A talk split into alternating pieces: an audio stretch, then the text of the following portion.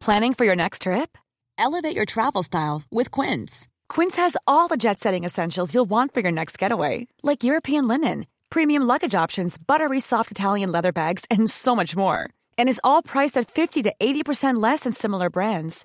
Plus, Quince only works with factories that use safe and ethical manufacturing practices.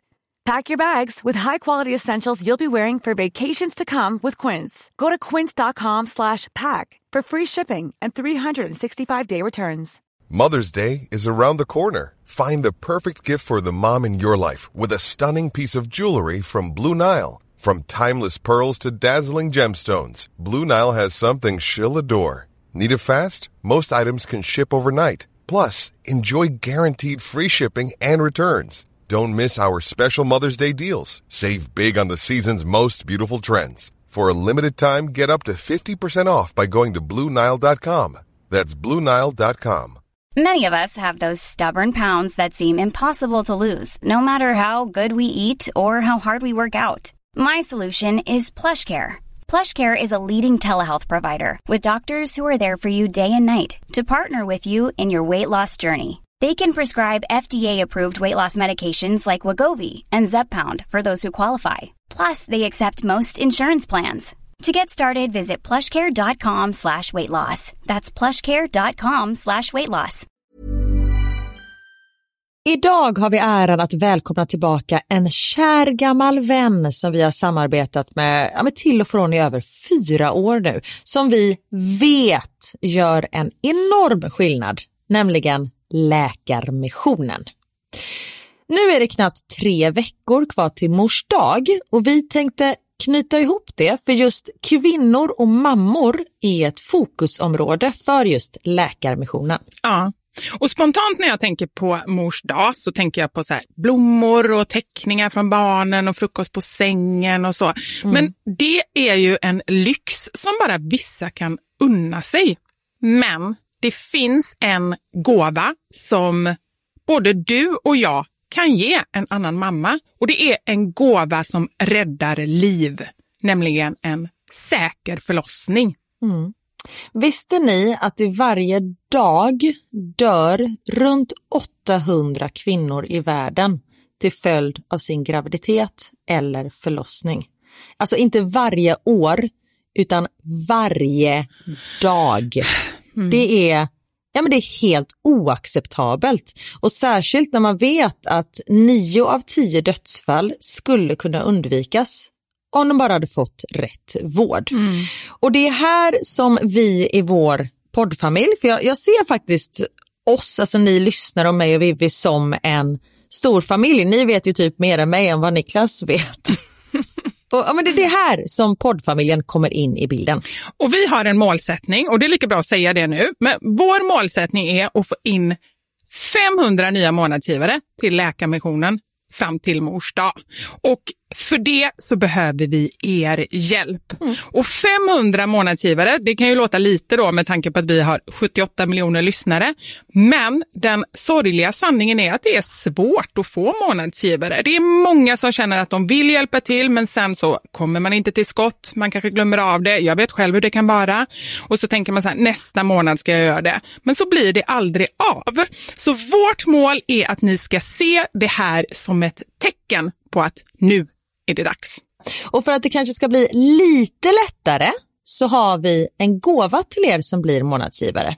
Just nu, så länge laget räcker, så får du ett Mom Wow-armband som gåva när du blir månadsgivare. Det är ett superfint armband som eh, Vivi har tagit fram tillsammans med hennes kollega. Och Du kan välja mellan guld eller silver. Så du ger alltså en mors dagpresent som räddar liv och får en fin gåva till dig själv eller till någon annan mamma du tycker om. Gå in på läkarmissionen.se vara sanningar, alltså lakarmissionen.se vara sanningar och bli månadsgivare idag. Ja, så Pausa podden och gör det nu. Det tar typ två minuter. Sen fortsätter du lyssna och känner värmen av att gjort något gott sprida sig i kroppen. Tack Läkarmissionen. Vi har även den här veckan ett samarbete med Rusta Ja, det har vi. Och sist så pratade vi om deras gigantiska utbud när det kommer till saker som man kan pynta och piffa uteplatsen med. Och Karin, nu har jag några nyheter till dig. Wow! Nu har jag nämligen, ja men på riktigt, Jag jag är helt chockad över att jag har nyheter. Exakt! Lyssna på det här. Min lilla balkong, du har ju sett den, den har ju varit totalt kal Ja. i de två åren som vi har bott här. Mm. Nu, nu är den inredd. Allt från rusta och den har blivit så fin. Det är kafébord, två stycken jättefina korgstolar. Jag har en så här lite härlig matta som gör att det känns mer ombonat. Ett insynsskydd där jag har hängt upp såna här solceller och en sak som jag inte ens visste fanns men som har blivit så himla fint. Dekorationsställning heter det. Låter lite konstigt. Vad är Men det? det är liksom som en ställning som man sätter ovanför bordet. Man sätter alltså fast den på sidan och så är det som en gardinstång högst upp. Nu förklarar jag jättedåligt känner jag. Jag förstår ingenting. Jag får komma hem till dig och titta på din rusta-inredda balkong helt enkelt. Nej men lyssna nu. Man kan alltså hänga eh, ljuslyktor och lite blomslingor i den här och så blir liksom hela balkongen så här ombonad och mysig. Det låter ju helt magiskt. Det är det också. Men jag tänker så här, vi snackar ju fortfarande Sverige. Jag tänker att det kanske är lite kyligt på kvällarna, eller hur? Ja, det är det. Så jag antar att du också har fixat massa nya filtar och infravärme och ljus och annat sånt som värmer dig, eller hur? Ja, men jag har allt. Det är verkligen så himla bra. Just att Rusta verkligen har allt för livet utomhus. Kvalitet till ett bra pris helt enkelt. Precis. Besök Rustas varuhus eller rusta.com. Tack så mycket Rusta! Radioplay.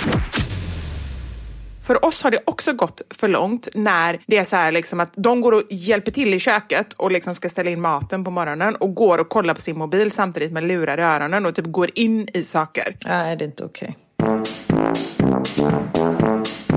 Mamma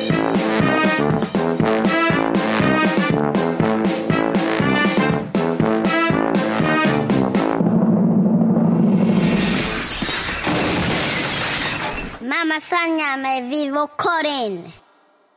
Jag fick eh, precis en eh, väldigt fin komplimang av Anders. Jaha, eller det var inte meningen att låta så chockad, men vad härligt. Nej, men jag känner, och då så tänkte jag, jag har tänkt, ja det var väl typ eh, två timmar sedan jag fick den och jag har tänkt på den en del sedan dess. Och så tänkte jag så här, hade jag fått den här komplimangen för typ fem år sedan så hade jag bara så här, eller så här, då hade jag inte tyckt att det var en komplimang. Men nu, och det är väl ett tecken på att jag, prioriterar annorlunda och är äldre. Han sa så här, en av, de, en av de bästa sakerna med dig, det är att man verkligen får lov att vara trött. Ah. Skulle du ta det som en komplimang? Eh, jag måste tänka. Så det här kan ta ett tag. Nej men man får lov att vara trött och vila och liksom så här. Ja men det är väl jättebra för att du låter andra människor vara som de är. Ja men precis så. Exakt så kände jag. Först när han sa det, jag bara eh, okej, tack eller vad ska man säga? Alltså det kändes ju som en sån grej om någon säger till en så här, ja ah, har du klippt dig? Då vet man ju inte om man ska säga, det kan man ju inte ta som en komplimang. Den personen kanske tycker det är skitfult. Ja, det är bara ett konstaterande att du har klippt dig. Det är ju inte så här, vad fint. Ja. Ja men exakt. Och så säger man kanske så här tack och så bara oj, han kanske inte alls tyckte att det var snyggt. Lite Nej. så kändes det först när han sa det. Bara, är det bra eller är det dåligt? Och sen, så, sen pratade vi lite om det och jag insåg att eh, han menar ju det som en jättekomplimang. För han tycker ju själv, han har väldigt svårt att slappna av och bara liksom så här tillåta sig själv att vila och ta det lugnt. Och känner då att med mig så är det helt okej. Det är okej att lägga sig på dagen och det är okej att bara säga nej men nu ska jag bara ta det lugnt. Så att jag kände att det var bra. Det är jättehärligt. Grattis. Tack så mycket. Ungefär där befinner jag mig nu. Ja men det är ju ljuvligt men vad härligt också att han Alltså för när man har levt ihop så länge, det är inte ofta man ger varandra komplimanger på det sättet. Nej, jag vet. Och vilket är hemskt, för det är verkligen då man ska göra det för att visa liksom uppskattning till varandra. Men man, jag menar som jag och Niklas, vi ser varandra fan 24 timmar om dygnet. Typ. Eller vi är ju inte vakna 24 timmar om dygnet, men 23 timmar om dygnet. Du ser honom i dina drömmar. Precis. Nej, men då är det inte så ofta man så här, vad fin du är idag. Eller vad fin du är idag. Och du har byxor utan resår i midjan idag. Du har ett litet glitterspänne i håret. ja, precis. Nej, men just att man ser varann. Men du, ska vi kanske öva på det? Det tycker jag är en bra grej. Kan man inte bara så bestämma att man ger någon annan människa, och i ditt fall så är det ju typ dina barn och din man. Ja. Jag kanske träffar typ två personer till, men det är inte många. Men Kan inte du skicka en liten hälsning från mig då till dem? Till vilka? Till dem du träffar också? Ja, men det kan jag göra. Skriv Ja. ju lite komplimang. Du har ingen aning vem jag träffar. Nej. Så bara, Karin hälsar att du har fina byxor. Bara? Och de bara, vem är Karin? bara skit i det. Nej, men jag tänker att så här, en komplimang om dagen, inte det en bra grej att lägga in? För jag tror verkligen att det är en sån sak att ja, men när man börjar ge det så man skapar liksom positiva effekter. Ja, och också att det inte bara ska handla om, alltså det ska handla om personens personlighet. Mm, inte om byxorna. Nej, inte om byxorna. Nej. Han sa faktiskt en annan fin komplimang. Vad, gullig han är. Och det här började jag nästan gråta när han sa. Det var några dagar sedan när vi eh, satt åt middag. Jag har varit väldigt, väldigt känslig den här veckan. Så det kan vara det också. Men då sa han så här. Att han tycker att jag är väldigt fin för att jag är väldigt fördomsfri. Att jag liksom ger alla människor en chans. Det är också väldigt fint. Men det gör du. Ja, men jag tror att jag är ganska fördomsfri ändå. För att jag, jag vet inte vad det är, men jag har väldigt svårt för... Det är så himla... Nej, men när jag hör andra människor bara "Åh, vad sjuk, hur kan han göra så? Baserat på att en människa har agerat på ett visst sätt vid ett visst tillfälle och då säga att den människan är en sjuk människa och liksom vara väldigt hård. Det har jag väldigt svårt för. Sen är det klart att om det handlar om att någon mördar någon, då är det en annan sak. Du bara, fast han kanske hade en anledning. Hon kanske andades i ansiktet på honom. ja, precis. Smaskade högt. Nej, men eh, så att jag tror nog att jag är ganska fördomsfri. Vilket också kanske kommer med, jag tror att det är så här, allting har en för och en, vad säger man, en fram och en baksida. Liksom, det är både bra och dåligt. Och det som kanske inte är så bra är att jag är ganska naiv. Att jag ändå säger, nej men oj, nej men han är nog snäll ändå. Alltså så här, Ja, men jag skulle precis fråga det, blir du bränd ofta på grund av det? jag vet inte om jag blir, jo, men jag blir nog bränd ofta. Och sen så ska jag inte säga att jag har blivit bränd på så många så här, jag har inte massa sår för att jag har blivit bränd. Men däremot så känner jag att jag kanske blir lite lurad liksom. Oj, nu gick jag på den här grejen. Men du, vi pratade om innan så här, om någon ringer någon telefonförsäljare och jag bara, åh, men det låter ju bra. Och så går jag på det liksom. Ja, ja, jag förstår. För jag också, jag vill liksom sk- skapa min egen uppfattning av en människa. För jag vet i gymnasiet så var det en tjej som var liksom, folk var så här, men passa dig för henne. Och då vill jag mer vara så här tvärtom. Jag bara, nej men då ska jag verkligen ge henne en chans. Och så blev jag superbränd för jag skulle lyssnat på alla. För hon var inte en snäll person. Men du lärde väl, det antar jag också någonting på det. För att det, jag tycker, Ja, men just också att jag var så här, men det var nästan värt att jag blev bränd för att då fick jag ändå, men jag fick uppleva det själv. Jag lyssnade inte bara på andra, för om man lyssnar på andra då kan det ju vara så att man missar någonting också. men tycker du att det gjorde att du nu lyssnar mer på andra eller känner du fortfarande så här att nej, men jag vill fortfarande bilda min egen uppfattning? Men jag kör fortfarande mitt eh, race. Sen numera så orkar jag inte hålla på och spela spel. Nej. Och nu orkar jag inte, alltså om jag märker minsta lilla tendens att nej, men den här människan kommer bara utnyttja mig, då ger jag inte den här personen sju chanser till. Nej. Utan då känner jag så här, fuck this shit. Alltså så här, det här har jag inte tid och energi med. Nej, nej, men man har ju inte ens tid och energi med det som eh, man verkligen vill. Så det är ju lättare att prioritera. Nej men precis. Ja. Så... eh, Vad, hur mår du? Jo, jag... Jag tänkte säga jag mår bra, men jag vet inte riktigt om jag gör det. Men det är så, ja, jag vet inte. Jag, jag ska vara helt ärlig och säga att jag är så in i helvete trött på den här karantänen. Ja. Ja, men är det nionde veckan nu eller vad är det? Jag är inne på nionde veckan, eller när ni lyssnar på det här är inne på tionde veckan. Och när den här podden släpps den 18 så skulle skolan ha startat. Jag tror jag sa det i förra Ja, veckans podd. Men nu har de skjutit upp det en vecka, så nu är det den 25 som gäller. Och det vet man ju inte liksom heller riktigt om det blir av. Så förra veckan i torsdags, eller förrförra när ni lyssnar på det här, gud vad det är svårt när man spelar in något som ska sändas i framtiden. Vi kan ju inte ens planera där vi är liksom. Jag vet. Nej men den 7 maj fyllde min mamma 70. Ja, just det. Och då, vilket är fantastiskt. Men när man befinner sig liksom 200 mil ifrån varann. Man vet att jag kan liksom inte krama henne på hennes födelsedag. Hon kan inte ha en fest, hon sitter liksom själv. Alltså jag var så ledsen den dagen. Sen pratade jag med henne och hon sa att Nej, men jag är helt fine med det här. Jag har liksom bara gillat läget och kändes lite bättre. Och det är en sak, jag måste bara säga det, det är en sak ändå när läget är som det är. Till skillnad från om det var Ja. så att alla kunde åka men valde att inte åka. Alltså det är... Mm, men precis. Det hade varit helt sjukt. Bara orkar inte. Nej, och sen så hade vi en så här mysig Zoom-middag på eh, kvällen. Hon trodde att det bara skulle vara hon och min bror med familj och min familj. Men så hade vi så här i smyg bjudit in hennes syskon till den här middagen också. Så vi var, jag tror vi var typ 20 pers som käkade middag tillsammans. Ja men vad påhittiga ni är! Ja men det var jätte, men det är ju liksom så vi får göra. Och du vet folk hade klätt upp sig och alla satt och skålade i champagne. Och, ja men det, var, det blev jättemysigt. Jag såg det på din Instagram, ni hade så här partyhattar och grejer. Jajamensan, partyhattar och vi hade ballonger överallt. Och, och mamma var så här, hon bara, men jag vill bjuda er på en jättefin middag. Så hon så här hade swishat över pengar. Så jag gick och köpte så här, tryffelravioli till mig och Niklas. Och ungarna ville ha hamburgare och så köpte fint vin och sånt där. Så det var... Egentligen så borde du kanske köpa falukorv för det är ju det finaste och dyraste ni kan eh, köpa där nere i Belgien. Jag vet, typ. Men det hade vi typ ätit dagen innan. Så vi hade slått på stort då också. Men så då kändes det lite bättre. Men sen då på kvällen där så fick vi liksom ett mail från skolan där det står så här. Ja tyvärr skolan kommer öppna den 25. Och det man bara så här. Nej. När man har sett ljuset i tunneln och sen bara så här det släcks. Nej, jag fattar. Så det var eh, riktigt skit. Men sen i helgen så har de ändrat eh, på rekommendationerna. Eller, vi, jag vet inte fan om vi ens har rekommendationer, det är typ regler. Att nu har vi fått välja ut en familj som vi får umgås med. Nej, men gud, det är ju som i skolan. Så här, tänk om man ingen väljer en. Då är man helt själv. Man är såhär, Pax, Pax vi vill umgås med er. Är det någon som har valt er? Nej, okej, nej, okej, det var vårt förstahandsval. Då får vi ta vårt andrahandsval. Vad ska... Ja, men vi vill inte umgås med er, säger de då. Nej, då hade det varit, man bara, okej. Nej, men så då i helgen så liksom käkade vi middag, fast vi satt fortfarande utomhus då. För vi är fortfarande försiktiga med en annan familj. Och då fick jag lite så här ny energi igen. Och du vet, man kände bara, ja. men nu börjar man få livet tillbaka lite. Och bara det att barnen fick leka med andra barn för första gången på nio veckor.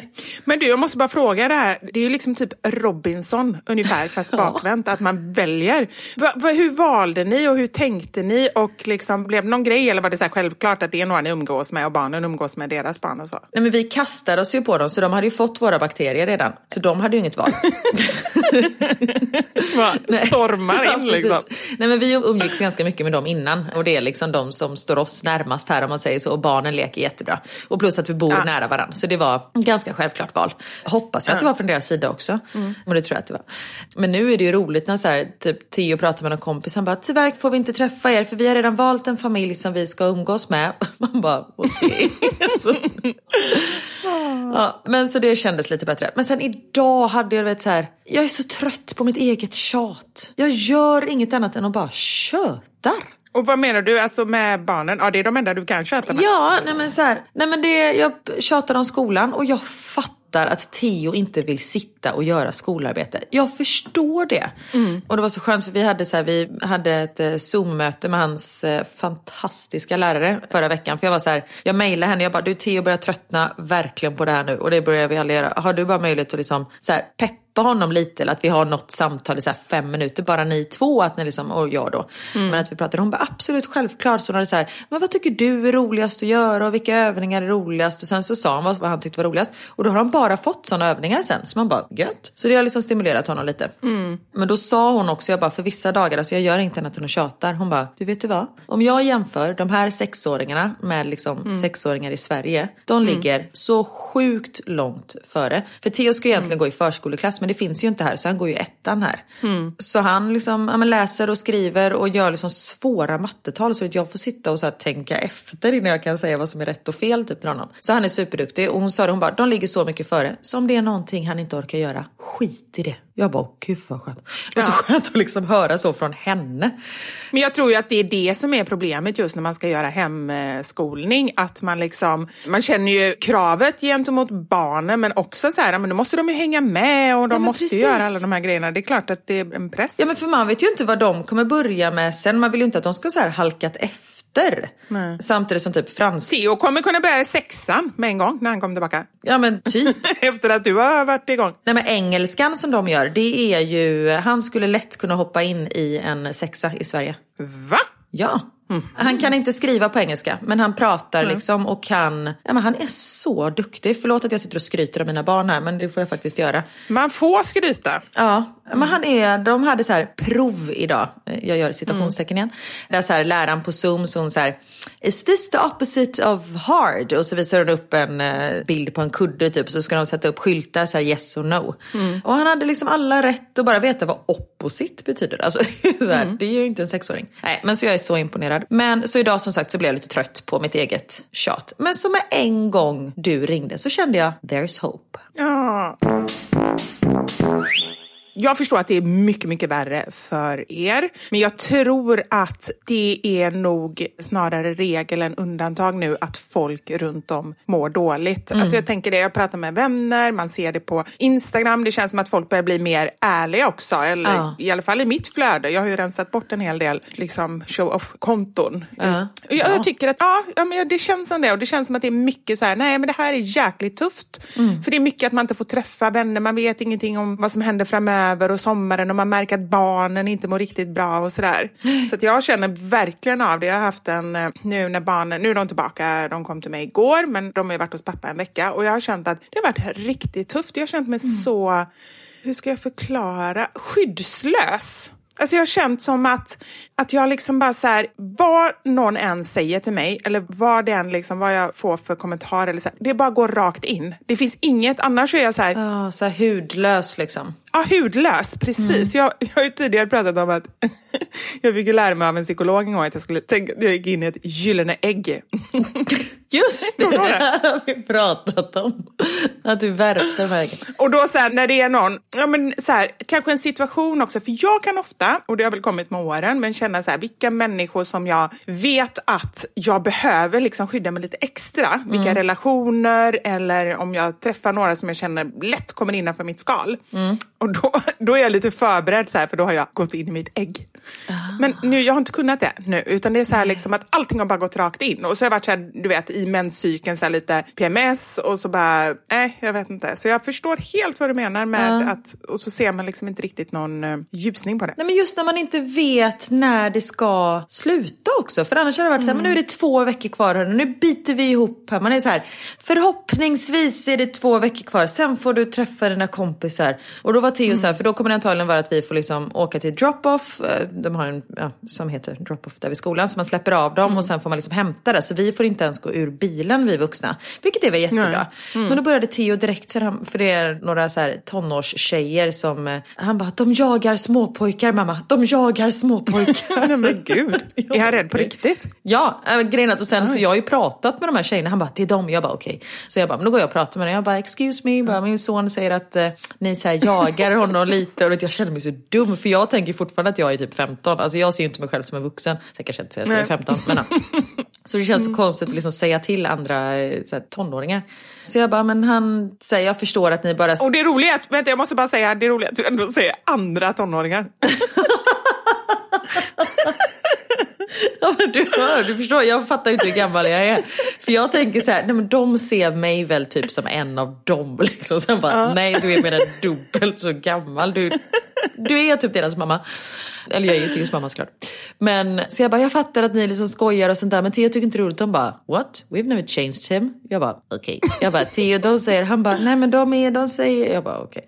Eh, Så jag har antagligen skällt ut någon, eller skällt ut, sagt till ungdomar som inte har gjort någonting. Men tror du att han, alltså, han upplever så, eller tror du att det kan vara så här helt påhittat och att det är något annat istället han är rädd för? Eller? Nej, jag tror att han eh, upplever det så. Och Ja, jag okej. vet att det är ett gäng tjejer som är ganska högljudda och de kanske inte jagar honom, de kanske jagar varann och sen råkade han vara mitt i liksom och sen så fattar inte han vad de säger för de pratar Nej. franska. Alltså du vet sådär. Ja, jag fattar. Och det kan låta lite också, du vet man pratar, alltså så här, när det är ett annat språk. Ibland är det svårt att känna av, liksom. är de arga, är de glada? Nu vet jag inte hur franska är. Ja men precis. Och tänk själv när du var sex år och det är en 15-årig tjej. Alltså man var ju livrädd även om de inte sa någonting. Man var ju liksom, ja. Nej men så då började han oroa sig för det och så här, men tänk om de är där och då kommer inte jag våga gå upp till bilen och kan inte du ställa dig? Då började han så planera i sitt huvud hur vi ska göra. Och jag vill ju bara säga, du skolan kommer säkert inte ens öppna så du behöver inte vara orolig för det här. Men så försöker man så här, liksom, lugna ner honom för det. Så bara, men älskling du kommer aldrig behöva vara rädd. Om du är rädd då bryter jag mot reglerna så följer jag med dig såklart. Eller så löser vi så att vi liksom alltid, att du möter hela din klass någon annanstans. Eller så säger jag till din lärare att komma och möta dig. Så vi löser det. Du behöver inte vara orolig. Han bara okej. Så det är sådana tankar som går också i och med att de har inte träffat andra barn. Alltså de har inte umgåtts med andra barn på så länge. Så det kommer säkert bli massa konflikter och att de inte riktigt hittar tillbaka till gruppen. Och det kommer ju vara massa sånt. Men det enda som är bra med det är ju att det är lika för alla. Det är Precis. värre så här om ens eget barn skulle vara sjuk eller vara borta länge eller Ja. sådär och känna sig osäker. Men nu kommer det säkert vara samma grej och det Ja. går ju snabbt. Det vet man ju själv liksom bara efter ett sommarlov. Att Ja. eh, det är lite läskigt första dagen och sen så är det ju som vanligt. Liksom. Ja, och Theo är ju inte den som är den liksom. Nej. Så äh, men nu hoppas vi verkligen att skolan i alla fall ska komma igång. Och sen förstår jag att det inte kommer vara som det brukar. Men att man får lite mer rutiner. För man vet ju liksom inte skillnad på tisdag och söndag. Nej. Det bara rullar på. Nej, men jag tror att vi behöver det. Man behöver Ja. rutiner för att må bra. Och sen börjar jag bli lite så orolig för vi har ju munskydd vart vi än går, liksom om vi är bland människor. Och i början kändes det superkonstigt men nu tittar man liksom snett på de som inte har munskydd. I Sverige är det ju tvärtom. Jag pratade med min mamma för hon skulle till ögonläkaren. Hon bara, så är så orolig att läkaren liksom inte skyddar sig ordentligt och sånt där. Jag bara, men skyddar du dig då? Hon bara, vadå? Jag bara, men har du munskydd? Hon bara, nej men det är ju ingen annan som har. Jag bara, men då kan du inte kräva att han ska ha det om inte du har det. Nej. Det är ju bättre att Nej, jag är ju tvärtom. Ja. När jag ser någon med munskydd då tänker jag de går runt där med corona. Ja, men tänker jag. Precis, men här är det ju liksom, här har alla eh, munskydd. Och när man står och pratar med någon så jag var inne i Sverigebutiken igår, köpte en falukorv och köttbullar, 700 kronor senare kom jag ut ur den butiken. Men ändå värt. Ja, ja, ja. ja. Det är så vi får våra kickar nu för tiden, vi köper köttbullar. Men, och då när jag står och pratar med henne, du vet, vi står liksom med så här sju meters mellanrum och det hade man ju aldrig gjort förut. Och då sa jag det, jag bara undrar om det kommer vara så här eller om man, för man kom in i det så snabbt, att man bara ska hålla avstånd och liksom, man får inte röra någon och om man råkar röra någon, eller det har inte ens hänt att jag har råkat röra någon, tror jag. Undra om man kommer tillbaka till det som har varit naturligt tidigare eller om det fortfarande kommer hålla i sig det här. Det tycker jag också är så himla konstigt. En del av mig tänker att vissa saker kommer säkert vara kvar lite. Just det här att man inte håller på och kramar och pussar och grejer varandra lika mycket. Fast sen tänker jag också så här att jag hade jätte, jätte ont i ryggen några dagar, om det var förra eller förra, förra veckan. Och då bara kände jag så här, shit om jag nu, och gud vad jag kommer vara tacksam när jag inte har ont i ryggen, om det här går över. Mm. Och sen när det gick över så var det verkligen så här, bara, tack gode gud för nu, hur frisk jag är. Jag bara njöt liksom. Hur länge höll det i sig? Tre, fyra timmar och sen hade jag glömt av att jag hade haft ont i ryggen. Ja. Och det är ju liksom både bra och dåligt tänkte jag säga. Men just det här, jag tror många, till exempel min mamma som ändå har varit så himla sjuk under stor del av livet. Jag tror att en anledning, eller kanske den enda, största anledningen i alla fall, att hon är så positiv är för att hon är så grundtacksam när, för det som funkar och för det som är bra. Och jag tror att vi skulle må så himla mycket bättre i livet om vi kunde ha den inställningen. Att vi faktiskt säger när detta är över, bara shit nu kan vi vara ute, nu kan vi umgås med folk. Sen behöver man inte gå tillbaka till, jag tycker inte att det är fel att man håller, alltså man måste ju fortfarande kunna vara nära människor men håller lite avstånd. Eller vad tycker du? Jo, absolut. Nej, men jag håller med dig. Och sen, någonting man har lärt sig av det här är ju att fan vad sårbara vi är.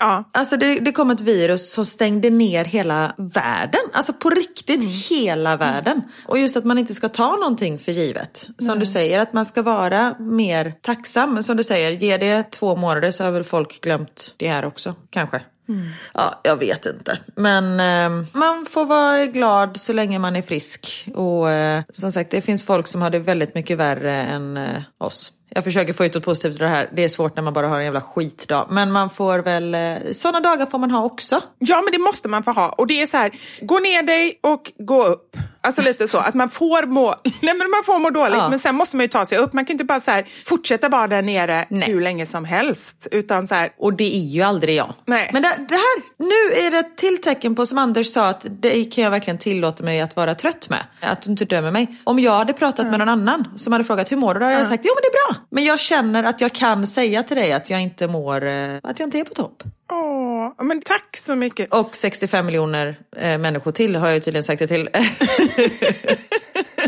Ja, precis. Ja, och jag uppskattar verkligen, för att jag vill ju höra alla sidor. Alltså så här, det är, att bara höra det här positiva. Jag, hade ju, jag la ut någon gång för några veckor sedan, jag också så här, jag hade en av mina dalar, just det här att la ut ett inlägg om det, så här, hur mår du egentligen? Att liksom våga säga hur man mår, för att det finns folk som vill lyssna och sen finns det folk som inte vill lyssna och de kan man skita i, de behöver man inte prata med. Alltså man ser man kan ju rensa agnarna Från vetet. Heter det så? Ja, då, jag älskar när du kommer med dina eh, uttryck.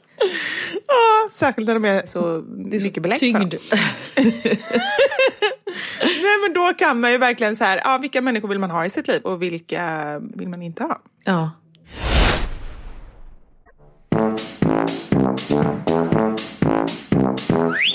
Apropå människor som man inte vill ha i sitt liv. Okej. Jag älskar det här. Kan du inte säga tre människor så ska jag gissa vem, vem det Ja, är? men det har ju ingenting med det att göra. Jag försökte bara göra en övergång. Okej, ja, men det var en rolig övergång. Ja. Ja. Theo tittar på, de får inte titta så mycket på Youtube och sånt där, men det han tittar på är när andra människor spelar tv-spel, bland annat. ja, just det. Och det är ju helt sjukt att han sitter och tittar på det. Men så pratar jag med min bror som har en åttaåring och han tittar på exakt samma sak. Alltså det är ju det som barn i den åldern tittar på. För Theo sitter ju inte och leker med bilar längre liksom, utan han spelar och håller på. Och vi har som regel att de får bara spela tv-spel på helgen. Och jag vet att du sa det någon gång, du bara, men kan du inte släppa på de här reglerna för att liksom underlätta för dig? Men mina barn kan inte hantera det. Alltså de blir Nej, och det vet bara du. Ja, det är bara du som precis. känner liksom hur de funkar. Ja. Nej, och jag önskar att de skulle kunna spela liksom en timme om dagen eller någonting så jag hade fått ett break. Men de kan inte hantera det för de blir, speciellt Max, han blir så här, får jag ladda ner det här spelet? Jag vill spela. Och det, men en gång man tar bort paddan så man bryter ihop och man är så här, men det här funkar inte. Jag kan inte låta dig spela en timme och sen kriga med dig i sex timmar efter det för att du bara tjötar. Men så var det idag då så hade de fått, för Theo hade engelska test som jag sa, så då var jag liksom tvungen att sitta med honom. Och för att inte Max skulle du vet, så här, springa och störa hela tiden så sa jag bara, du får spela när Theo har engelska, sen med en gång den är slut då får du ta bort det. Han bara, okej! Så här skitexalterad på att kissa på sig och lika. Och sen så när engelskan var slut så jag bara, nu får du stänga av. Och så efter lite gnäll så stängde han av. Och så började Theo titta på den här killen som sitter och spelar Minecraft, eller vad fan han spelar. Och han har blått hår och är liksom sådär. Han bara, men varför får han spela? Jag bara, va? Varför får han spela hela dagarna? Står liksom och tittar på den här YouTuben. Jag bara, nej men han är ju vuxen. Så bara, men om han är vuxen, varför spelar han tv-spel? Jag bara, ja det var en otroligt klok fråga. Jag bara, jag vet inte. Han bara, vuxna ska ju jobba. Jag bara, alltså Max du har helt rätt. Men det där Säg inte att det är hans jobb, för då har du... Nej, det var ju det jag råkade säga. Jag bara, men det, det här låter så märkligt. Men killen med det blå håret, det där är hans jobb. Han bara, va? Alltså, han fick inte ihop det i huvudet, vilket är bra. Så han är inte så här, det där är mitt drömjobb. Men han har ju så rätt. Så bara, men va, om han är vuxen, varför spelar han tv-spel? Ja, det jag vet inte. Ingen aning. Men jag skulle säga att det skulle inte förvåna mig om typ 50% av alla barn som börjar fundera på jobb, alltså Mm. ändå förstår vad man kan jobba med, så här, vill jobba med Youtube eller liksom eh, den typen av grejer. Alltså, båda mina barn säger ju det inom olika områden. Ja. Just för att det är klart att det är ju deras drömtillvaro att bara få sitta och spela eller Ja, göra olika hacks eller kolla på film eller vad det nu är. Men det finns väl gymnasium med Youtube-inriktning nu? Finns det? Jag tror det. Men det kanske är mer så att man lär sig du vet, klippa och sånt där. Inte typ, idag ska vi se vilka pranks man kan göra på varandra. Alltså det är väl inte så. Man lär sig att titta på Youtube. Ja men precis. Så här i, ni ser förstoringsglaset, där skriver ni in sök vad ni vill titta på. Nej, men jag tror att det, det finns något sånt. Men vet du vad vi har gjort? Eh, vi har faktiskt nu två veckor har vi sagt som vi ska ha skärmfritt. Och när jag säger skärmfritt så menar jag inte helt skärmfritt, utan det jag menar är precis det du säger. Det här dumstirrandet som man tittar på liksom andra människor som gör saker. Och jag säger inte det, det är klart, alltså jag förstår att det är det som är deras verklighet. Men för oss har det också gått för långt när det är så här liksom att de går och hjälper till i köket och liksom ska ställa in maten på morgonen och går och kollar på sin mobil samtidigt med lurar i öronen och typ går in i saker. Nej, Eller om man kollar på tv och så bara blir det paus och så är det paus här 40 sekunder och så ska man kasta sig med mobilen och liksom börja kolla på någonting. När det blir som en besatthet. Och då, som tur är, så är vi väldigt ihoppratade, jag och deras pappa. Så vi bara, nej, det här, båda vi två fick panik på det. Så vi bara, nej, nu kör vi det här. Gud vad bra. Ja, det är väldigt bra. Men igår när de kom till mig, då, för de kör till hos pappa och det verkar ha gått ganska bra och de har typ så här ritat en del och pärlat och sådär. Och de får använda, vill jag lägga till, de får liksom lyssna på ljudbok, de får lyssna på musik, de får använda telefonerna som verktyg. Alltså så här, ska de göra TikTok, då får de göra det, men de får inte titta på TikTok. Nej. Men de får liksom vara kreativa och spela in egna. Elmer som sitter och ritar, han tittar ju ofta på bilder och så sitter han och ritar av dem. Liksom. Det får han göra. Men igår då så hade vi ett samtal och då så sa ett av barnen, jag vill inte säga vilket, men så här bara, men mamma, alltså på riktigt. Och det här var så bra argument. Jag kände det själv. Han bara, jag är i skolan mellan åtta och kvart i fyra, som det var igår. Det är inte alltid så långa dagar. Och sen kommer jag hem och då ska jag sätta mig och pärla eller rita, vilket kräver ganska mycket ansträngning. Jag blir utbränd. Och då först skrattade jag åt det för jag tyckte det var, det var så gulligt. Han har hört någon annan säga det, han säkert mig när jag får psykbryt och säger att jag blir utbränd. Men jag förstår dem, för det är Ja. hela tiden hjärnkapacitet. Det är ju någonting skönt att bara dumstirra på någonting. Vi gör ju det själv, eller jag gör det. Ja men det är ju därför jag sätter på Friends liksom, för att då behöver jag inte tänka och detta är ju deras Friends. Ja. Jag menar inte att det är deras vänner utan alltså av, ja. Nej men absolut. Men det som jag tycker med det som Theo tittar på, för han får bara titta på YouTube på tvn så vi har koll. För ibland du vet så kommer han in på någonting och de har ett förfärligt språk. Max favoritord för tillfället är ju fucking. Oj. Alltså det här var fucking coolt. Man bara, vad sa du nu? Det är så här, nej, nej, nej. Och då är det någonting han har hört liksom på en jävla YouTube-kanal. De spelar och du vet, de dödar varandra de kommer in på något sånt spel. Man är så här, men det här är inte okej. För då får de liksom titta på tv så att vi har koll. Men det, för jag vet ju liksom inte vad man ska säga. Nej men du får inte spela. Du får inte titta på YouTube. Nu får du inte titta på tv. Men jag bara, men vad fan ska jag göra då? Nej men gå ut och hoppa lite studsmatta. Alltså, ja. Nej, men alltså så här, jag tror att allting under normala former, och det känner jag ju, det är klart att de ska börja få titta igen och så, men det var bara så här, nu måste vi bara bryta mönstret och Ja. därför var vi så radikala liksom. Men det är väl jättebra att ha det på en stor skärm, sen har man kanske inte alltid koll ändå. Alltså man kan ju Nej. sitta och, i realtid och liksom bara när de, men man kan ju se lite så här, just den här killen kanske inte är jättebra att man tittar på för att han Nej. svär väldigt mycket eller så. precis. Mm. Nu ska vi prata lite bajs. Ja, och det är ju inte första gången i den här podden. Nej, Och garanterat inte sista om jag känner oss rätt. Nej, men vi har ju nämligen ett samarbete med Dulcosoft från Sanofi AB. Precis. Dulcosoft hjälper hårda magar och då menar jag inte liksom hårda och att de är starka med magmuskler. Utan detta är en medicinsk produkt som gör bajset mjukare. Och när man pratar om förstoppning så pratar man ju ofta om barn som är förstoppade. Men det är lika vanligt att vi vuxna får problem. Tre av tio vuxna lider faktiskt av hård mage. Och jag skulle nog våga gissa att två av dessa tio är föräldrar. Eftersom vi föräldrar faktiskt inte hinner sköta om våra magar som man bör. Vi pratade ju faktiskt för några poddar sedan om att jag skjuter upp mina toabesök för att jag inte hinner. Det är ofta jag tänker så här, äh, men jag går och bajsar imorgon istället. Och detta är ju klassiskt beteende för föräldrar och detta kan leda till förstoppning. Och det har jag ju också berättat att jag har varit förstoppad ända sedan jag fick barn. Och det är ju precis av den anledningen. En gång så gick det ju tre veckor utan att jag bajsade. Herregud. Ja, det är ju helt sjukt. Men de senaste åren så har det varit mycket bättre. Dels så ser jag till att gå på toa regelbundet när jag behöver. Mm. Och om det tar för lång tid så tar jag Dulcosoft. Så när vi fick den här förfrågan om det här samarbetet så kände jag att det var ju verkligen passande med tanke på att jag faktiskt har använt Dulcosoft nu i flera år och eh, kan bidra med mina erfarenheter. Mm. Men du då, har du varit förstoppad?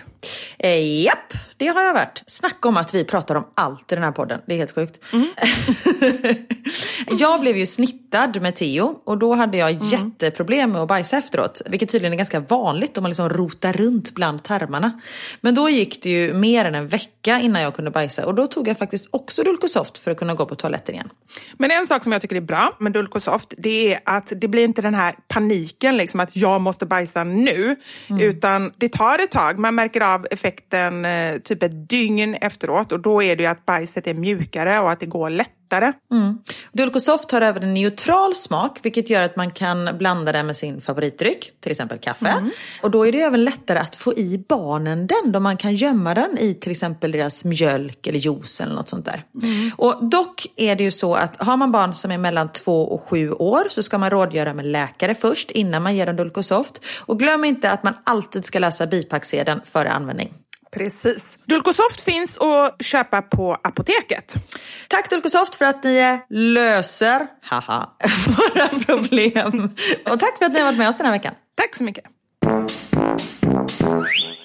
Jag har ju varit på den konstigaste jakten de senaste veckorna. Jakt? hur, hur, jagar man från hemmet? Nej, det är ju det man inte kan göra. Nej, jag går ju på p-spruta ja. och den tar jag var tredje vecka. Uh. Och då ska jag hitta någon som kan ge mig den här sprutan. Och nu känns det som så här, jag kan ju inte gå till akuten. Nej. Det känns som att de har lite annat att göra nu för tiden. Kan inte Niklas ge dig den då? Jo men det är ju det jag har velat. Ja. Jag sa, skulle du kunna ge mig en spruta? Han bara, ja om man ska ta den liksom intramuskulärt i skinkan. Jag känner så här, den här skinkan, den går ju inte att missa. Men så började vi googla. och så började vi googla, och ni så här, fast om jag träffar fel, tänk om jag träffar någon nerv och typ gör dig lam. Jag bara, det kanske inte är så jävla smart liksom. Och så jag har frågat den här familjen då som vi får umgås med nu. Jag bara, eh, eftersom din man är polis, då kanske han har så här lite sjuksköterskeutbildning. Skulle han kunna ge mig en spruta? Man är, han bara, alltså jag skulle ju kunna göra det men jag vill ju inte ha på mitt samvete att du typ blir gravid. Eller det är inte hans fel att jag blir gravid för det är inte han som är gravid. bara, vad ska han göra egentligen med dig? ja men precis. Nej, men, och sen vet, så har jag försökt ringa och det här preventivmedlet finns inte i Belgien. Mm. Så att när jag ringer runt till olika ställen bara, hello, I need to take injection in my butt. I have, och då bara, du, så hör man liksom hur de lägger på. Man bara, hello, hello, yes, okay. Men du, då har jag en, en grej. Kan inte du vid nästa fransklektion be henne liksom att lära dig de där fraserna på franska? Smart, jag har franska lektion lite senare. Uh. Je voudrais une injection dans mon butt pour je ne pas, je ne voudrais pas les enfants. Då har de lagt på. Nej, men och du vet när man ska ringa och bara I have the injection here but I need someone to take it on me, for me, yes. In me? In me, yes, in me. Ja, nej, och då till slut hittade jag en sjuksköterska som jag liksom fick åka hem till i uh. förrgår. Uh. Och det så här, hon, jag ringer på så tittar hon ut genom så här fönsterrutan och bara pekar på att jag ska ta på mig ansiktsmasken. Jag bara, kan jag inte ta på mig den? Och hon var ganska så här sträng. Ja, jo, jag märker det om hon ja. tittar ut. Jag tänker på så här, jag vet inte, jag ser en häxa framför mig som sitter i fönstret och bara tittar fram bakom gardinen. Oj, nej, så illa var det inte. Riktigt så illa var det inte, men det typ kändes det. Och sen när hon så tittar på den, hon bara, is it uh, because you want a baby? Jag bara, no it's because I don't want a baby. Hon bara, but uh, it is the same thing as when you take uh, hormonic... Uh, jag bara, men gud tänk om jag fått något sån fel nu och bara det här kommer göra att jag verkligen blir gravid. Men så här, det är ju fortfarande samma sak som jag har tagit. Är det spermier du kör in i röva? De bara, this will not work. Jag bara, nej jag vet hur ett barn blir till. Men gud vad sjukt, tänk om man skulle bli gravid med att injicera spermier. Åh, oh, apropå det, eller uh -huh. inte att injicera spermier. Men Theo, han har full koll på hur bebisar blir till. Ja. Men sen igår när vi skulle sova, när vi hade släckt lampan och sånt där. Han bara, mamma, vad betyder det med att man är gravid? Jag bara, men det är ju att man är med barn. Men hur blir man det? Jag bara, men du vet ju hur ett barn blir till, eller hur? Ja, det vet jag. Men Lilly och hennes föräldrar, de ska ha till barn. Betyder det att de har, och det bara, man såg så här hur han så fick bilder typ. Jag bara, ja antagligen för det är så. Han bara, åh herregud, ja, nu måste jag sova, godnatt. Jag bara. Sa han det? Ja, det blev för my mycket för honom. För det blev liksom så konkret för honom. Ja, att han fattar. liksom att de har gjort det ganska nyligen. Ja, precis. För han kanske tänker ändå att visst, han förstår att man ska ha sex, men han kanske också tänker att det gör man när man ska ha barn. Så du och Niklas har gjort det två gånger Precis. och sen så är det bra. Liksom. Ja. Ja. Men jag förstår inte det här. Jag måste backa bandet när du sa så här, man kan ju inte injicera spermier. Det är klart man kan, eller vadå? Nej men det är klart man kan, men inte i skinkan. Då blir det ju inget Nej. barn. Det var, jag slutade innan jag fullföljde meningen. Jag kände bara att vi måste bara göra, jag fattar vad du menar, men så att inte någon annan tycker att det Ah, nej, nej, nej, konstigt sagt. nej, så väcker jag inte. Självklart vet jag det. Och det har ju även Theo full koll på. Vi har ju några vänner, två tjejer som fick barn för eh, men ett halvår sedan. Och han har ju så här frågat hur de, men de är ju två tjejer och sånt där. Jag bara, ah, men då kan man eh, åka utomlands och göra det så här. Så nu när vi pratade med några andra så jag bara, ah, men de... Eh, De var i Danmark, eller hur? Ja, precis. Och det Det är exakt det innan. som Theo säger. Jag har, har jag berättat det? Jag kommer inte ihåg vad jag berättade. Jag tror det, men eh, du kan dra det igen. Ja, nej men så var det så för Theo så här, han bara, nej men våra kompisar de har ju varit i Danmark och där blev det här barnet till. Man bara, japp, bara stenkoll. Men du, Karin, vi har till och med ett poddavsnitt som heter Den danska bebisen. Ah, okej. Fan, jag har ingenting mer att berätta. Jag har liksom, ja det var det. Älskade vän. Förlåt, men jag bara känner att om andra tänker det så, så verkar jag helt borta också som inte ens kommer ihåg det. Varken du eller jag. Då kände jag att det är bra i alla fall att någon kommer ihåg det. Ja, det är sant. Nej, men då har inte jag någonting mer. Då stryker jag det från min lista. Ja, nej det var väl det då. Har du något mer? Nej, jag har inte någonting Komma med. Nej. Vänta, förlåt, jag fick ett mess här. Nej, jaha. Vad händer nu? Nej, förlåt. Louise, min kompis, som eh, brukar... Eh, Vad har gjort? som, som, familjen som vi umgås med. Ah, ah. Hon har precis... Hon skickade en bild till mig som jag inte förstod någonting av. Och sen så skickade hon... Eh, sen skickade hon en beskrivning. Så bara, fan förlåt, råkade ta en skärmdump och skickade den till dig. För det var en sån här, du vet, när man, en bild nerifrån. Oh, så hon har nej. råkat ta en bild och sen råkat skicka iväg den till mig. Det var inte alls meningen. Men du vet alltså, en sån selfie underifrån, eller vadå? Ja, Nej men precis. alltså, det är den värsta vinkeln. Och sen så skrev hon fan förlåt, ha ha ha ha. Ja men alltså helt seriöst, hur många hakor kan man ha? Och min näsa som är så sned. Alltså det är så här, det är ingen bra vinkel för min sida. Nu var det inte jag som skickade den här som tur var, utan eh, hon. Men eh, ja. Men man blir ändå glad. Jag kan ändå känna så här, när folk lägger upp den typen av bilder så här på Instagram eller så och bjuder på sig själva, då känner jag kärlek i mitt hjärta. Mm. Ja. För jag känner att, för det är verkligen som du säger, det spelar ingen roll hur snygg man är annars. Nej. Det är ingen charmig vinkel och då känner jag, då vågar man verkligen bjuda på sig själv. Mm. Så eh, det kanske man ska göra oftare också för att bara så här, riva alla murar. ja, fast det känns väl ändå som att du och jag visar ganska mycket hur verkligheten är. Ah, shit. Ja, men apropå felringningar. Jag måste bara berätta om den Mhm. alltså, knäppaste som jag har varit med om. jag är inne i sovrummet och bäddar sängen. Det här är tidigt på morgonen innan vi ska gå till förskolan. Knut kan ha varit tre, max fyra år och sitter och kollar, liksom, båda barnen sitter och kollar på Bolibompa och vi har våra så här, morgonrutiner. Och helt plötsligt så hör jag där.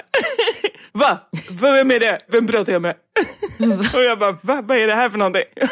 För först tänker jag så här, alltså jag, det- jag kopplar verkligen inte. Springer ut i vardagsrummet. Då har Knut på min telefon som ligger där råkat ringa upp Dr. Alban på Facetime. Nej. Facetime också! Så att han sitter med telefonen framför sig och bara, hallå? han har ganska så här, och det är också så här, vi pratade ju lite innan om det här med eh, olika språk, alltså så här, man låter olika. Just om man så här, har afrikanskt ursprung, i alla fall min pappa är exakt likadan. När han pratar, då låter han, grundtonen är lite arg, alltså det är lite så här, lite hårt liksom. Ja men det är som min pappa också, han kan säga till och man bara, men bli inte så arg. Han bara, jag är inte arg. Man bara, men det låter ju typ som du ska döda mig. Alltså så här. Jag är inte arg! Ja men så här, sluta! Så där låter verkligen inte min pappa. Det där lät som en norrlänning. Sluta! Slut nu! Nej men det är som du säger, det är liksom eh, nej, men tonen och ja. Så det var bara någon som var jättearg. Och jag kommer ut där och bara ser det här liksom. Och Knut som sitter där liksom bara och stirrar på den telefonen. Och det sjuka är ju då, normalt sett så skulle man ju bara så här, antingen bara stängt av eller bara oj, liksom. För vi har ju haft lite kontakt tidigare. Ja hur känner ni varann? Nej, men vi känner varandra från när jag jobbade på ZTV. Jag tror att jag gjorde någon intervju med honom. Och sen är det lite, det måste jag ändå säga, att när man är mörk Ja. så är det lite som att jag kan gå på gatan och kommer en annan mörk människa, då är det så här, ja, men då hälsar vi på varandra. Inte alltid, är det inte så? Det är som busschaufförer. Busschaufförer och afrikaner. ni hälsar alltid på varandra. Ja, men lite så. Eller typ, Den lilla nicken. ja, men också um, när man är ute med barnvagn är lite samma grej, upplevde jag. När man var ute och Absolut. körde barnvagn, då var det så här som man, Hundägare, samma sak. När man tillhör samma community liksom. Ja, men man känner någon typ av gemenskap. Ja. Och det gjorde väl då jag och Alban på den här tiden och vi träffades i olika så här tv-sammanhang. Och sen tror jag att han började bjuda in mig. Han hade ju något klubb tror jag som han bjöd in mig till några gånger och sådär. Och sen hade vi några möten. Vad konstigt det här är när jag tänker på det. För jag har ingen aning vad de handlade om de mötena. Han bara, jag behöver lite input för eh, min eh, låt. Vad tycker du? En papaya, coconut, komma lång, komma lång, komma lång. Ska det vara tre komma lång eller två? Vad. Och jag är också verkligen rätt människa att fråga. Jag bara, jag kan vara med om jag kan spela sån här triangel. Ja, precis. Släng in Kikki Danielsson här vet jag. Det blir kanon. Okej, stabilt. Just den låten är ju Kikki Danielssons låt. Men, Ja, jag okej. vet. Jaha, inte det Dr. Alban? Nej men det är ju Kikki Danielsson från början, eh, Papaya Coconut, och sen kommer ju han in och gör en version av den. Komma lång, komma lång. Han kommer långt. Jag älskar den låten. Jag älskar ju, det vet ju ni, jag älskar Dr. Albans låtar. Jag tycker det är fantastiskt. Jag blir så glad. Ja, alltså är man arg och sätter på en Dr. Alban-låt, då blir man glad. Då blir man glad. Ja, ja men det är verkligen så. Så det är liksom Ja. fantastiskt. Men då... Men vad hände med samtalet? Nej. och då, då har ju inte vi pratat på, låt säga, vi har inte haft någon kontakt på, men, sen innan barn eller typ fyra, fem år. Klockan är halv åtta på morgonen och jag ringer Facetime. Och då, normal människa skulle lägga på eller, eller säga så här, oj förlåt det var min son. Men jag gör inte det utan jag, jag låtsas som att jag skulle ringa honom. Så jag bara, ja jag tänkte att det var länge sedan vi hördes. Och han bara, ja det var ett tag sedan. Sen bara, annars då? Jag kommer inte ihåg hur det slutade sen men det var väldigt, väldigt konstigt. Vet, jag fick såna här svettningar i flera veckor efteråt när jag tänkte på det. Det bara valla över mig. Det var en konstig... Men gud vad sjukt. Ja, det var faktiskt sjukt. Men det måste vi ju ha. inte det roligt att ha vid något tillfälle som veckans mammasanning? Alltså konstiga felringningar och fel-sms och grejer som Ja. man eller barnen har gjort. Det har vi nästa vecka. Jag skriver upp det. Skriv upp det. Och jag, vi kan ju redan nu då efterlysa den typen av eh, felsamtal och eh, fel-sms och så. Skicka in Mm. det till oss så blir det roligt. Niklas skä- skällde ut. Otroligt överdrivet. Han ifrågasatte när jag sa skicka ett sms. Vadå då? Nej men han bara, man säger inte så. Jag bara va? Han bara, man säger att man skickar ett meddelande. Jag bara, men det är ju ett sms. Va? Han bara, vad ska det annars vara? Jag bara, det kan ju vara ett eh, MMS. Ja. Eller var det att jag sa att jag skulle skicka ett MMS? Skitsamma. Kanonstory! Kolla, jag är skitkissnödig nu. Jag kissar nästan ner mig. Jaha, okej. Men ska du kissa eller ska vi gå vidare? Kan du hålla dig? Jag kan hålla mig, men det tar ett tag. Det går liksom som i vågor. Och vet du vad jag får när jag är kissnödig? Mm, nej. Det här trodde jag alla fick. Och jag sa det till Anders. Han bara, va? Jag får ont i lillfingret. Hur kan du tro att alla... Jag trodde bara det var normalt. Nej men det är väl klart att det inte är normalt att få ont i lillfingret. Eller det är inte onormalt kanske, men jag tror inte att det är så vanligt. Nej, men man får liksom som en ilning i lillfingret när jag blir kissnödig. Nej, i ditt sjätte lillfinger eller i ditt femte? shit, nu kan jag säga ner mig. det är fantomtjänst. Oh, det kan, ja, nej men gud, det är på, det. på riktigt, det är ju bara på den, det är bara på vänsterhanden. Ja, men då är det fantomkänsla i ditt avhuggna finger. det gör sig till känna när du är kissnödig. Men gud, det är ändå lite härligt för att då är det inte helt borta. Då finns det ändå där någonstans. Nej, det är fortfarande a part of you. Däremot om jag har druckit typ två glas vin, du vet när man känner så här, nu kan jag inte köra bil längre. Då får jag ont i brosket i örat. Nej. Jo, det är liksom där, då känner jag så här, nu får jag sluta för snart kommer jag bli eh, för påverkad. Men det är ungefär som en sån här alkoholmätare. Du behöver inte det, du har ditt öronbrosk. Precis, jag tror inte att man ska förlita sig fullt på det. Du bara, nej, nej, nej, nej. Jag har bara Så det är inte så här, det är ingen fara, hoppa in i bilen, jag kör hem. Jag känner ingenting i brosket. Åh, shit. Ja, det ska vi nog inte förlita oss på som sagt. Nej, det tror inte jag heller.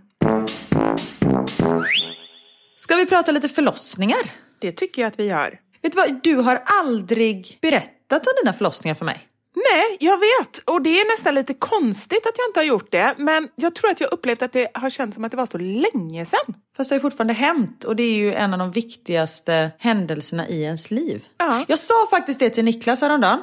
Ja. Jag bara, vad glad jag är att vi skaffade barn sist av allt vi har gjort. Alltså vi har verkligen gjort så här allting. Förlova oss, då var det det största som har hänt i mitt liv. Gifta oss, då var det det största som har hänt i vårt liv. Fick barn, då var det det största. Och det kan man ju inte bräcka. Nej. Så jag tänker om man får barn först och sen när man gifter sig, då hamnar det lite i skymundan. Eller det är så jag känner i alla fall. Ja, men det var lite så för oss. Skulle jag säga, för vi hade ju Elmer först och sen så ville vi eh, gifta oss. Och det är nog som du säger, att då kommer det lite efteråt liksom.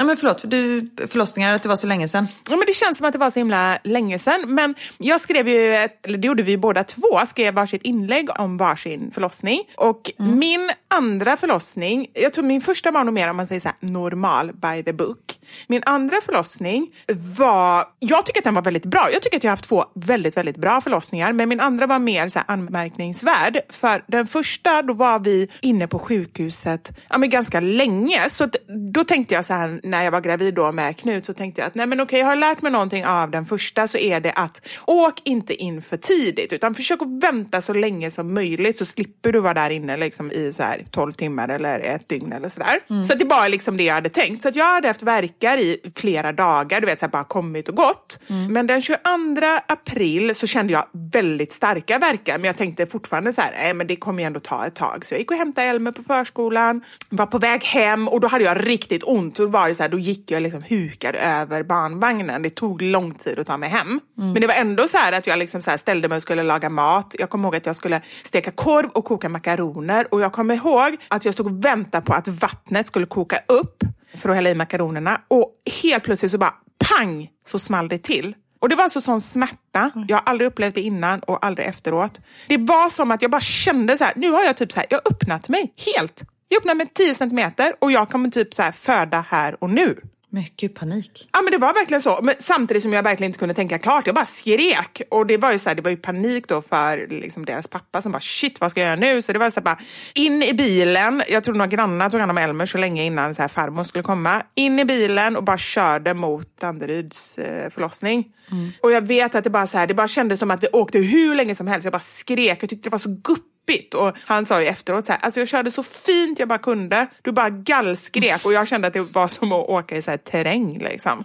Ja. Vi kommer in, sladdar in där och upp med mig på förlossningen och det var verkligen så här på håret. Vi kommer in 17.55 tror jag och 18.10 så är han född. Så det är alltså en kvart från att vi kom in så är han ute. Herregud, jag ryser när du eh, pratar om det här. Ja, ja men det är verkligen så här, det är helt otroligt egentligen när man tänker så. Och du vet, jag bara tänker så här, äh, nu gick ju allt jättebra och det var en bra förlossning och allting, men tänk ändå, alltså vi bor i Stockholm, hur ofta det är bilköer. Vi hade en jäkla tur att det inte var några bilköer, alltså hade man fastnat där, då hade ju han fötts i bilen liksom.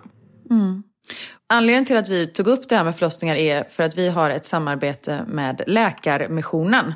Och just att nu hann ju ni in till ett sjukhus. Mm. Men just som du pratar om paniken att inte föda på ett sjukhus. För det, sen vet jag att det är vissa som vill föda hemma och sånt där.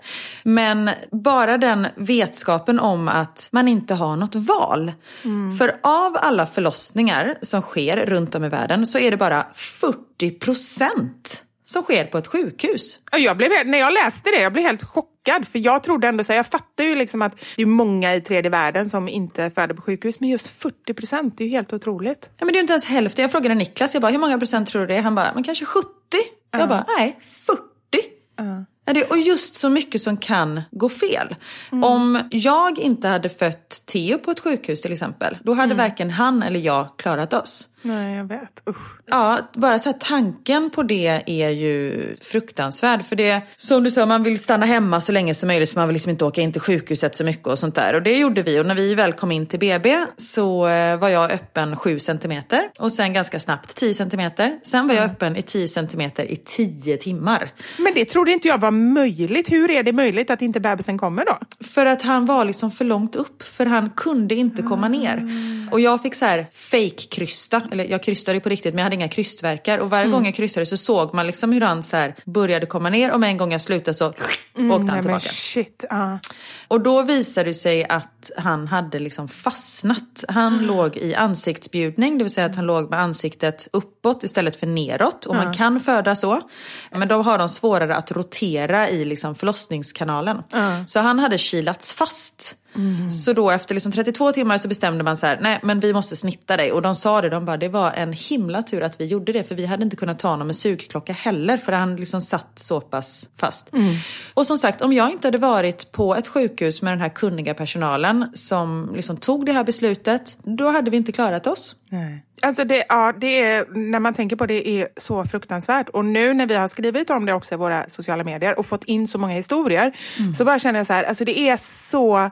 Det här projektet känns så himla viktigt. Mm. Det är alltså ett projekt som heter Säker förlossning. Och då kan man för endast 180 kronor vara med och bidra till att en kvinna får föda sitt barn på ett rent sjukhus under uppsikt av läkare istället för i hemmet. Och mm. förstå hur många liv som man kan rädda, både bebis och eh, mammor. Alltså varje år så är det över 100 000 kvinnor som dör på grund av sin graviditet eller barnafödande, säger man så? Mm. Av att föda barn. Och det är över en miljon barn som dör mm. på grund av att de inte får vård och omsorg efter de har fötts. Mm. Så som sagt, 180 kronor. Gå in på läkarmissionen.se och läs mer om det här. Och man kan även, gör så här nu, ta upp era telefoner om ni har den här möjligheten. Gå in på Swish och så skriver ni in 180 kronor och så swishar ni det till nummer 90 00 217. Ja, och märk betalningen med förlossning. Och verkligen gör det nu. För att annars, eller jag vet inte hur ja. ni är, men jag är sån. Om inte jag gör saker med en gång, jag måste så pausa podden nu. liksom. Mm. Eller vi kan vara tysta en minut. Eller inte.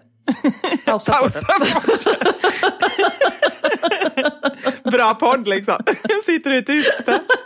Nej, men, och så gör det nu och så har du varit med och bidragit till det här viktiga projektet. Mm. Så tack Läkarmissionen för allt ni gör och för att vi får vara en del av det här och eh, förhoppningsvis samla in eh, pengar som eh, gör en skillnad på liv och död.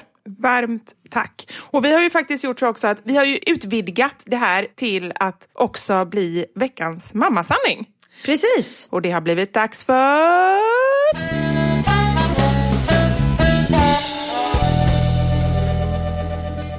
Veckans mammasanning. Yes, vi frågade er hur ni upplevde er förlossning. Mm. Och detta är ju ett ämne som folk gillar. Man gillar ju att prata förlossning. Mm. Och man gillar att prata detaljer märker jag här. För att vi brukar få många svar, mm. men det är ju sällan de är så långa och detaljerade som det har varit vid det här tillfället. Mm. Och det som jag skulle säga liksom så här är verkligen att lika många kvinnor som finns, alltså lika många förlossningar som har gjorts, mm. lika många upplevelser finns det. Det har verkligen fått in allt ifrån så här, det är det värsta jag varit med om, jag kommer aldrig kunna göra det igen, till det är det bästa jag varit med om, jag önskar så att jag kunde få göra det igen. Fast jag har redan sex barn och nu är fabriken stängd liksom. Ja, precis. Och just också att folk är otroligt tacksamma över den vård vi faktiskt har i det här landet. Nu bor ju vi i olika länder, men i Sverige pratar vi om då. För just att det är många som skriver att hade jag inte befunnit mig på ett sjukhus så hade det inte gått så bra. Och många som skriver också, väldigt många som är gravida just nu som skriver, jag swishar med en gång, jag är här nu och jag liksom är så tacksam för den vård som vi har i Sverige. Precis. Min bror har skrivit här, minns inte, var ju så liten. Ja, men... Vadå din bror? Ja. Det är så Anders svar, han brukar också svara på mina grejer och så svarar han något helt annorlunda. Så jag bara gissa vad vi ska åka, då vet ju han vad vi ska åka. Han bara, till Säffle. Skriver han. Ja. Men jag fick en väldigt, väldigt stark som jag vill eh, berätta om och som jag också fick in en bild. Klockan är kvart i tolv på natten. Jag väcker sambon och säger till att nu är det nog någonting på gång. Jag ringer min syster som ska vara barnvakt till vår tvååring. Tio i tolv. Två minuter lång monsterverk. Ringer till förlossningen och säger att jag ska komma in men måste vänta på barnvakten. 12. Sambon kommer ner, han hör mig från ovanvåningen att jag har ont och packar de sista sakerna. Sen är vi båda på toaletten och det gör så sjukt ont så jag vet inte var jag ska ta vägen. Vattnet går, jag sätter mig på toaletten och känner typ huvudet och tittar på sambon Nej gud, jag ryser så mycket nu. Ja, och säger ring 112, han kommer nu. Jag ryser också. På SOS så frågar de hur mycket verkar jag har. De tar inte sambon på allvar för han säger att jag har mindre verkar än vad jag har. Men när jag skriker att jag känner huvudet så ber de mig lägga mig ner och ber sambon hämta rena handdukar. Jag hinner inte sätta mig på knä innan huvudet är ute och sen kommer kroppen ganska på en gång. Herregud. Sambon lägger upp lillebror på min mage och SOS säger att de ska gnugga honom med handduken. Men han har fastnat med navelsträngen över axeln så vi får försöka trassla ut honom. Och då säger SOS att jag vill höra honom skrika. Han kommer ner på min mage och skriker. Klockan halv ett kom han ut. SOS sa att ambulansen kommer om tio minuter. Mitt i allt hör vi någon knacka på dörren så vi öppnar badrumsdörren och då ser vi min syster som skulle komma och vara barnvakt. Och hon ser lillebror och mig ligga på golvet. Sambon har aldrig sett henne så chockad. Herregud. Ja, eller hur? Sen kom ambulansen och de klippte av navelsträngen och vi åkte till BB för eftervård. Herregud, shit. Eller hur? Och hon har skickat in en bild här på när hon ligger där på golvet med massa handdukar och bebisen på magen och pappan ska knippa navelsträngen. Shit alltså. Äh, Fan. Det var jag som mest rädd för, när, för med första barnet. För det första hade man inte hört så mycket. Men med andra barnet då var det så här, vad händer om... Jag var så rädd att någonting skulle hända så att Theo skulle se det. Jaha. Du, För jag har en kompis som, hon står så här, hon har typ två veckor kvar till hon ska föda eller någonting. Har en treåring. Ska gå ut så här med en grej på balkongen och hon bara så här, du vet det bara splashar. Hon bara fuck vattnet gick, titta ner, det är blod överallt. Ah, shit. Då har moderkakan släppt. Oh. Och vet, hon har ju en treåring som bara ser det där och bara mamma vad händer? Hon bara det är ingen fara, gå ut till pappa du vet så här, och bara gå runt i blodet och det är så här blodiga fotspår i hela lägenheten. Och den här treåringen, nu, de löste det liksom bra så han kommer typ inte ihåg det här. Men just att du vet man sätter att något sånt skulle hända och man säger nej men här står jag, är blod överallt, jag har ingen som kan ta hand om Theo och vad, vad ska vi göra? Nej. Så det var jag eh, otroligt eh, orolig för. Nu vill ju Max inte komma ut alls så det blev ju... det problemet hade du inte. Det problemet hade jag verkligen inte. Hade du inte åkt till sjukhuset och satt igång dig, då hade han fortfarande varit kvar. Nej men det funderade jag också på om det inte skulle finnas sjukhus. Sen fattade jag att jag inte skulle vara gravid efter tre år. Men vad händer då? Alltså barn som inte vill komma ut. För man kan ju Nej, inte föda ett alldeles för stort barn. Nej, men det är ju därför man gör igångsättning. Ja men jag tänker om man bor i ett land där det inte finns sjukvård. Ah. Att man inte har den möjligheten.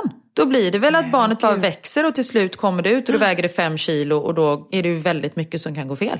Men kan vi inte kolla upp det till nästa vecka? För vi har ju med oss Läkarmissionen då också. För det är ju faktiskt också en sån intressant grej och en, en Ja, stor anledning till att... Eh, Skriver upp i mitt lilla block som jag har här bredvid mig. ja, bra Karin, för här blir det inte något uppskrivet. Nej, igångsättning. Min förlossning var lätt som en plätt. Det är klart att det gjorde ont, men absolut inte så ont som jag hade föreställt mig. När ungen var ute och jag var ihoplappad efter en grad 3-skada sa jag till sköterskan, det här kan man ju lätt göra igen. Hon var så förvånad över att jag var så positiv och jag kände mig som en superkvinna.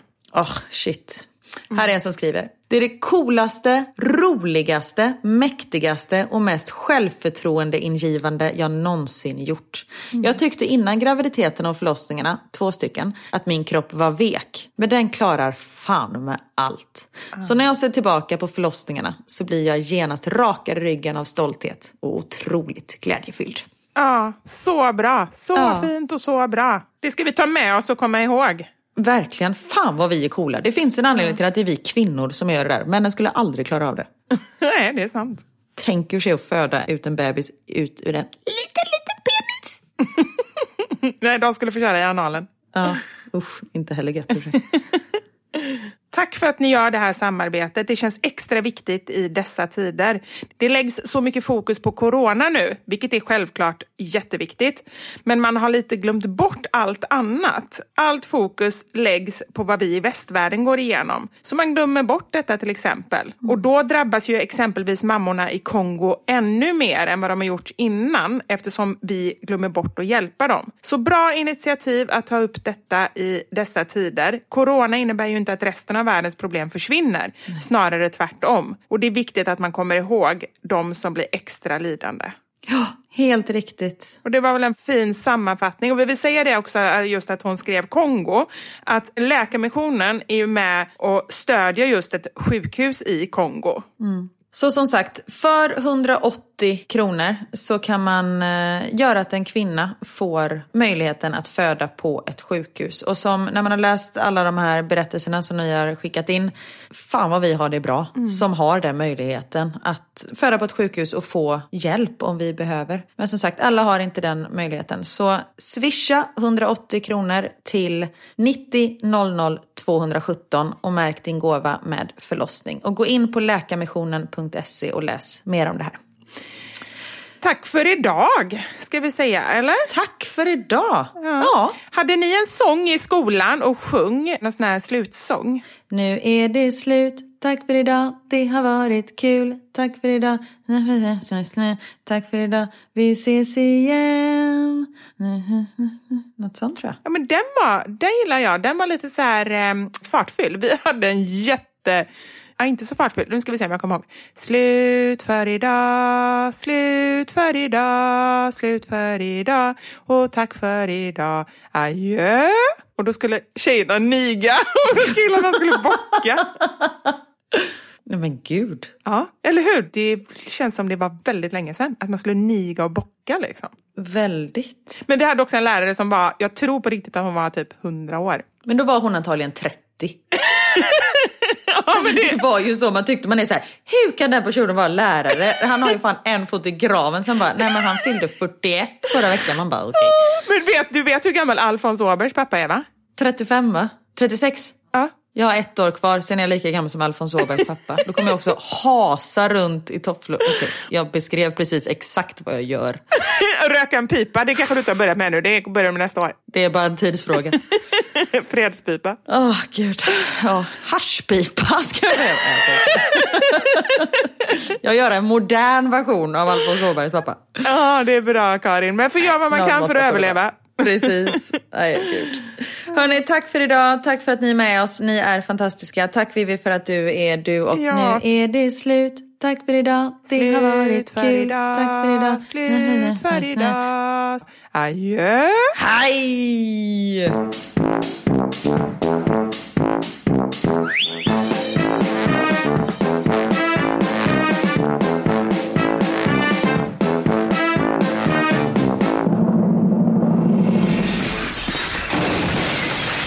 Mamma Sanja med Vivo Karin.